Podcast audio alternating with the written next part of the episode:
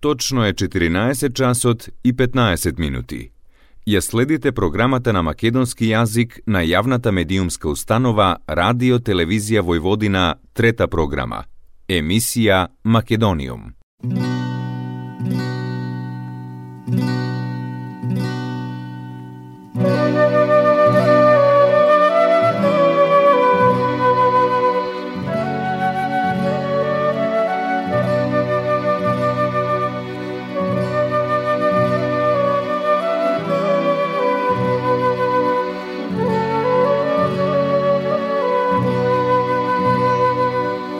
Добар ден и добре дојдовте во најновото издание на емисијата Македониум.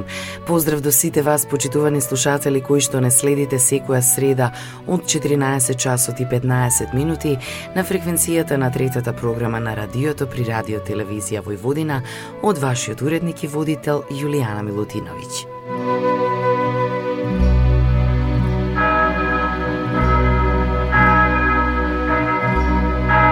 Македониум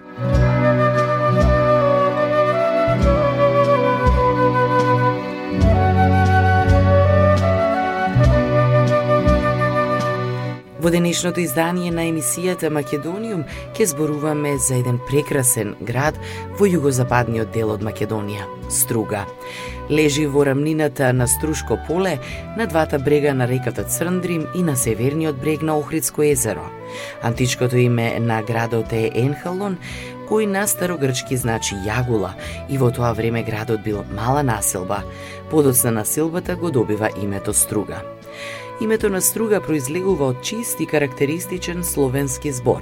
Народот од Струшко и Охридско дава две своји објаснувања за потеклото на ова име. Според првото народно толкување, името Струга доаѓа од отворената географска положба на градот, место каде што постојано струже дува ветер.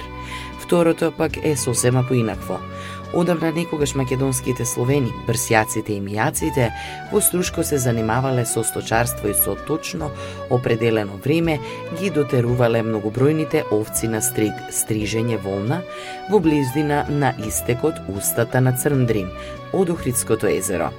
Меѓутоа, тоа може многу пологично да се поврзе со преминот низ ограда за молзење овци наречен струга, страга или стронга – Некои автори тврдат дека градот е наречен така заради тоа што Црндрим поминува низ Далјаните, турски збор за место заградено со трски и друг материјал за лов на јаголи и риби воопшто.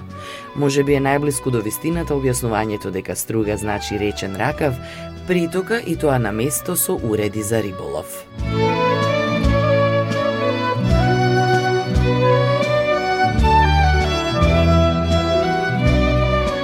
Македониум. За прв пат под словенското име Струга, градот се споменува во еден документ од 11 век. Струга е стара населба која потекнува од неолитскиот период. Во антиката Струга има многу профитирано поради тоа што се наоѓала на патот Вија Игнација, кој ги поврзувал источното и западното Римско царство. Археолошките наоди и откриените пишувани споменици зборуваат дека животот овде датира уште од праисторијата. Првата неолитска населба е регистрирана околу 3000 години пред нашата ера. Заокружена со планински предели на запад се наоѓа Јавланица, на североисток Караорман и на југоисток Галичица, како и отвореноста на Струшкото поле условиле пониски годишни температури.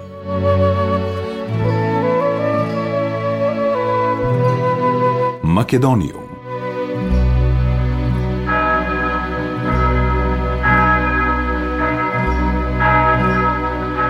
Максималните воздушни температури во месеците јули и август може да варираат од 28 до 33 степени Целзиусови. Во летната сезона, односно месеците јули и август, температурата на водата може да достигне дури до 26,4 степени Целзиусови, а просечниот број на денови со летна температура на воздухот повисоко од 25 степени и на површинскиот дел од водата од езерото од 20 степени изнесува 73 до 178 денови со најголем интензитет во јули и август се разбира. Во зимскиот период од годината средните месечни температури се над нулата. Во планинските делови над 1600 метри надморска височина, температурите пониски од 0 степени започнуваат од декември до крајот на март. Географската положба на Струга, отвореноста на Струшката котлина, планините околу градот како и близината на езерото, овозможуваат во Струга да дува ветер од сите страни. Ветровите се делат на постојани и локални. Во постојаните ветрови спаѓаат ветровите што доаѓаат од југ и од север. Ветровите од север обично доаѓаат по долината на реката Црндрим и носат свежина, ги има ни целиот период од годината, но најчесто во зима. Јужниот ветер обично дува во март и во април, а поредко и во мај. Јужниот ветер е погоден за лов на јагула, плашици и грунец.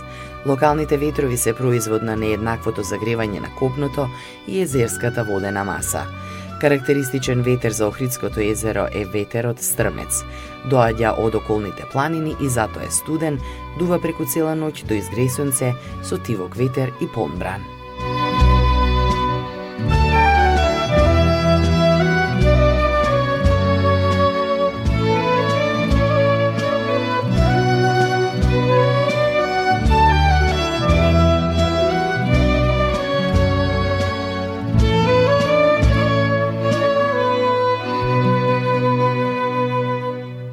Македониум.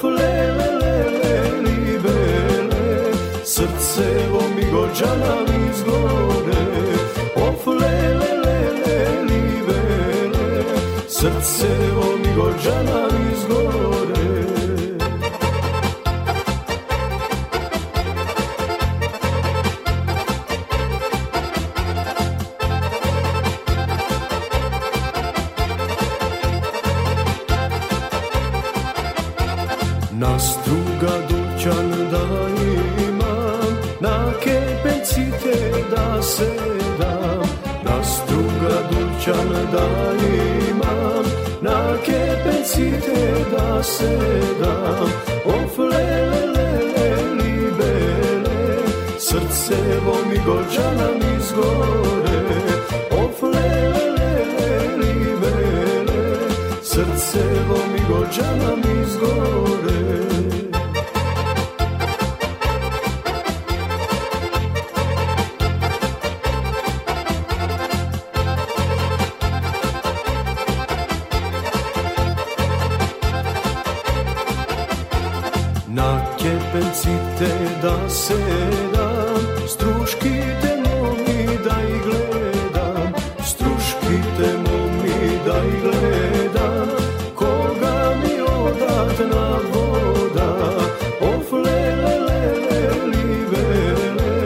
srce mi gođana li zgore Oh lele lele li bele Srce mi gođana li zgore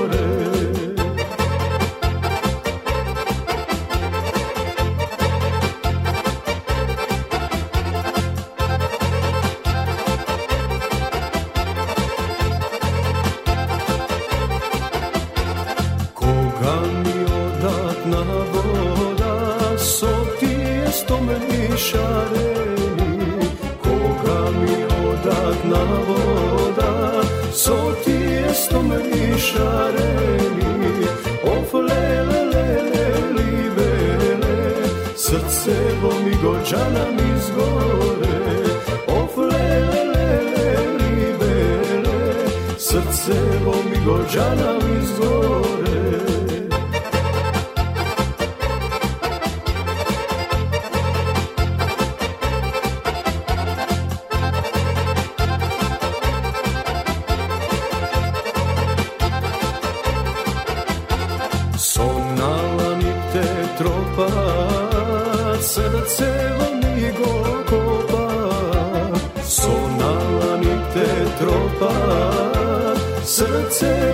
во ми го копа Оф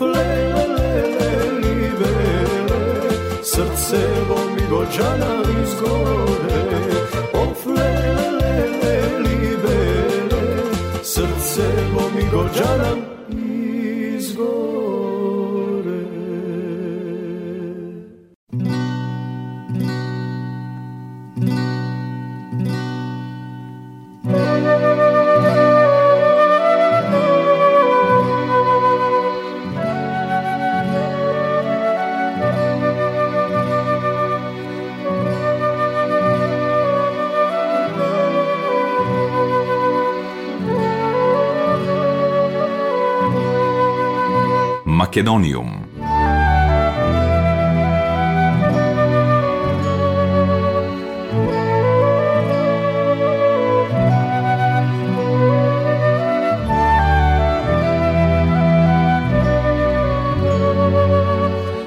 Идеални за мирна прошетка и уживање во прекрасна гледка покрај самата вода. Кејовите на Црн Дрим имаат клупи и сенки и се поврзани со три мостови.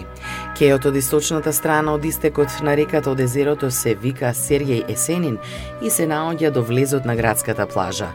На овој кеј покрај Есенин се наоѓаат и бистите на Адам Мицкиевич и Асо Шопов. Водата од Охридското езеро истекува низ реката Црн Дрим, која поминувајќи низ средината на градот, низ Трушкото поле и Клисурата продолжува низ Албанија и се влева во Јадранското море. Истекот на водата во близината на хотелот Дрим е посебна атракција за секој посетител на овој прекрасен град во југозападна Македонија, Струга.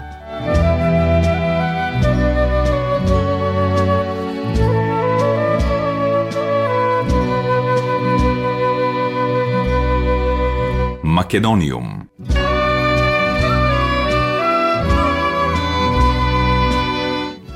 Црквата Свети Ѓорги представува градска соборна црква во центарот на Струга. Изградена е на темелите на многу постара црква од 16 век. Содржи фрески од крајот на 19 век, но вистинско богатство представува малата галерија на икони од 18 до 19 век, вклучувајќи ја и познатата икона на Свети Ѓорги, насликана во 1267 година. Долгиот напис на позадината од иконата значи Струга Охридска. Македониум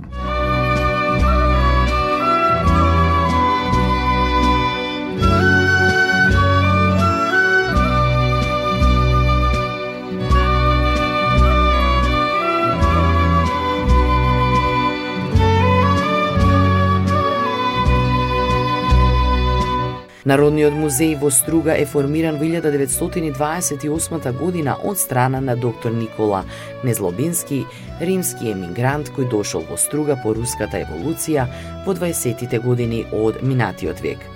На почетокот е отворено природно-научното одделение со постојана зоолошка збирка составена од неговата лична колекција, која денес е збогатена со разновидни инсекти, птици, риби и животни од Охридско-Преспанскиот регион. Незлобински и неговите соработници препарирале стотици инсекти, птици и животни кои живееле во мочуриштата во близина на Струга. Подоцна во 61 година во музеот е формирано археолошко одделение во кое е сместена богата збирка предмети од праисторијата до средниот век. Во 1974 година е формирана уметничката галерија Вангел Коджоман, познат уметник од Струга, со постојана уметничка поставка. Музеот врши истражување и собирање материјали од областа на историјата, археологијата, етнологијата, ботаниката и зоологијата. Македонијум.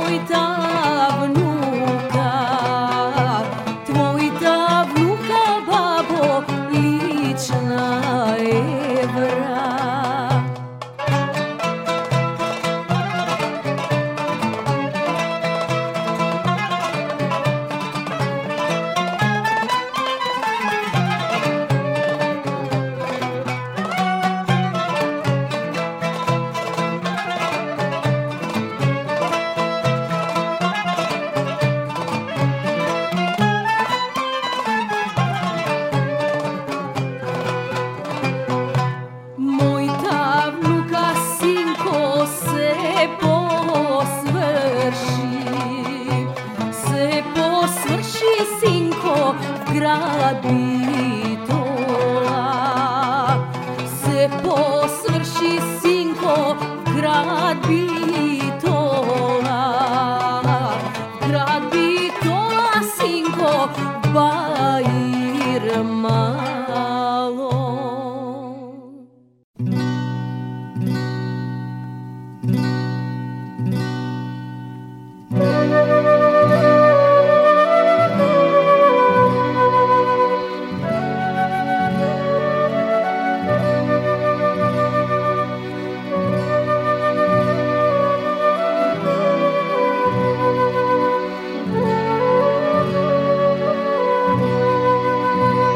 Македониум.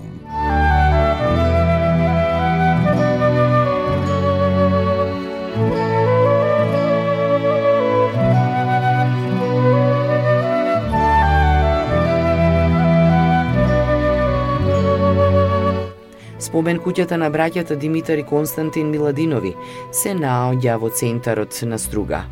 Реновирана е врз темелите на старата куќа на Миладиновци. Во неа се наоѓаат материјали од животот и делата на овие знаменити македонски природбеници, добитници на златен венец на поезијата.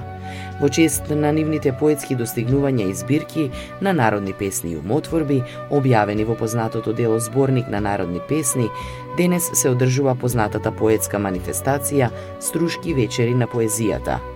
Манифестацијата традиционално започнува со незаборавната поема Тга за југ од Константин Миладинов, напишана додека престојувал во Москва.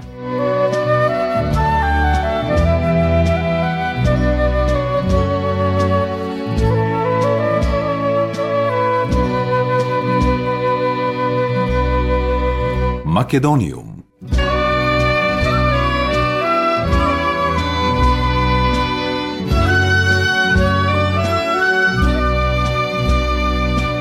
На 5 километри југозападно од Струга, веднаш на брегот на Охридското езеро, се наоѓа селото познато по старите цркви и манастири и рибните специјалитети – Калишта. Во Калишта на самиот брег на Охридското езеро, во природен карпест амбиент, се наоѓа манастирот Рожденство на Пресвета Богородица, меѓународот познат како Калишки манастир. Во склоп на комплексот влегуваат една пештерска и една нова црква, посветени на рожденството на Пресвета Богородица, црквата посветена на светите апостоли Петар и Павле и пештерската црква посветена на Свети Атанасии. Новата црква е обновена во 77-та година, а темелите датираат од 18 век. Во манастирот има монаштво и активен монашки живот.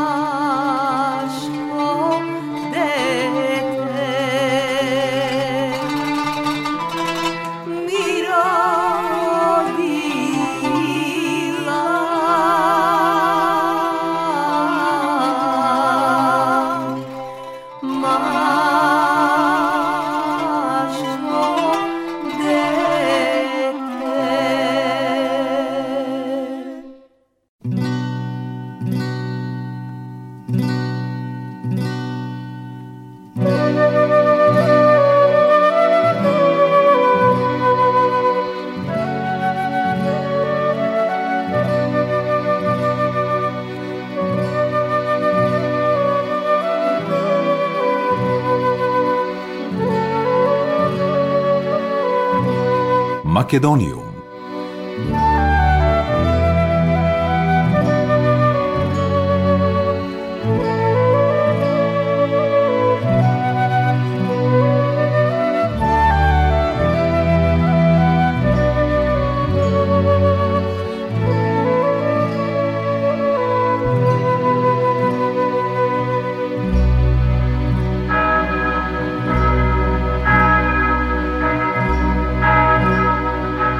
Почитувани слушатели, тоа беше се во денешното издание на емисијата Македониум.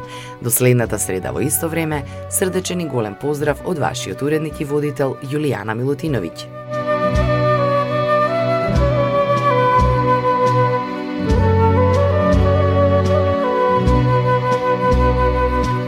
Ја следевте програмата на македонски јазик, емисија Македониум. Главен и одговорен уредник Воин Поповиќ.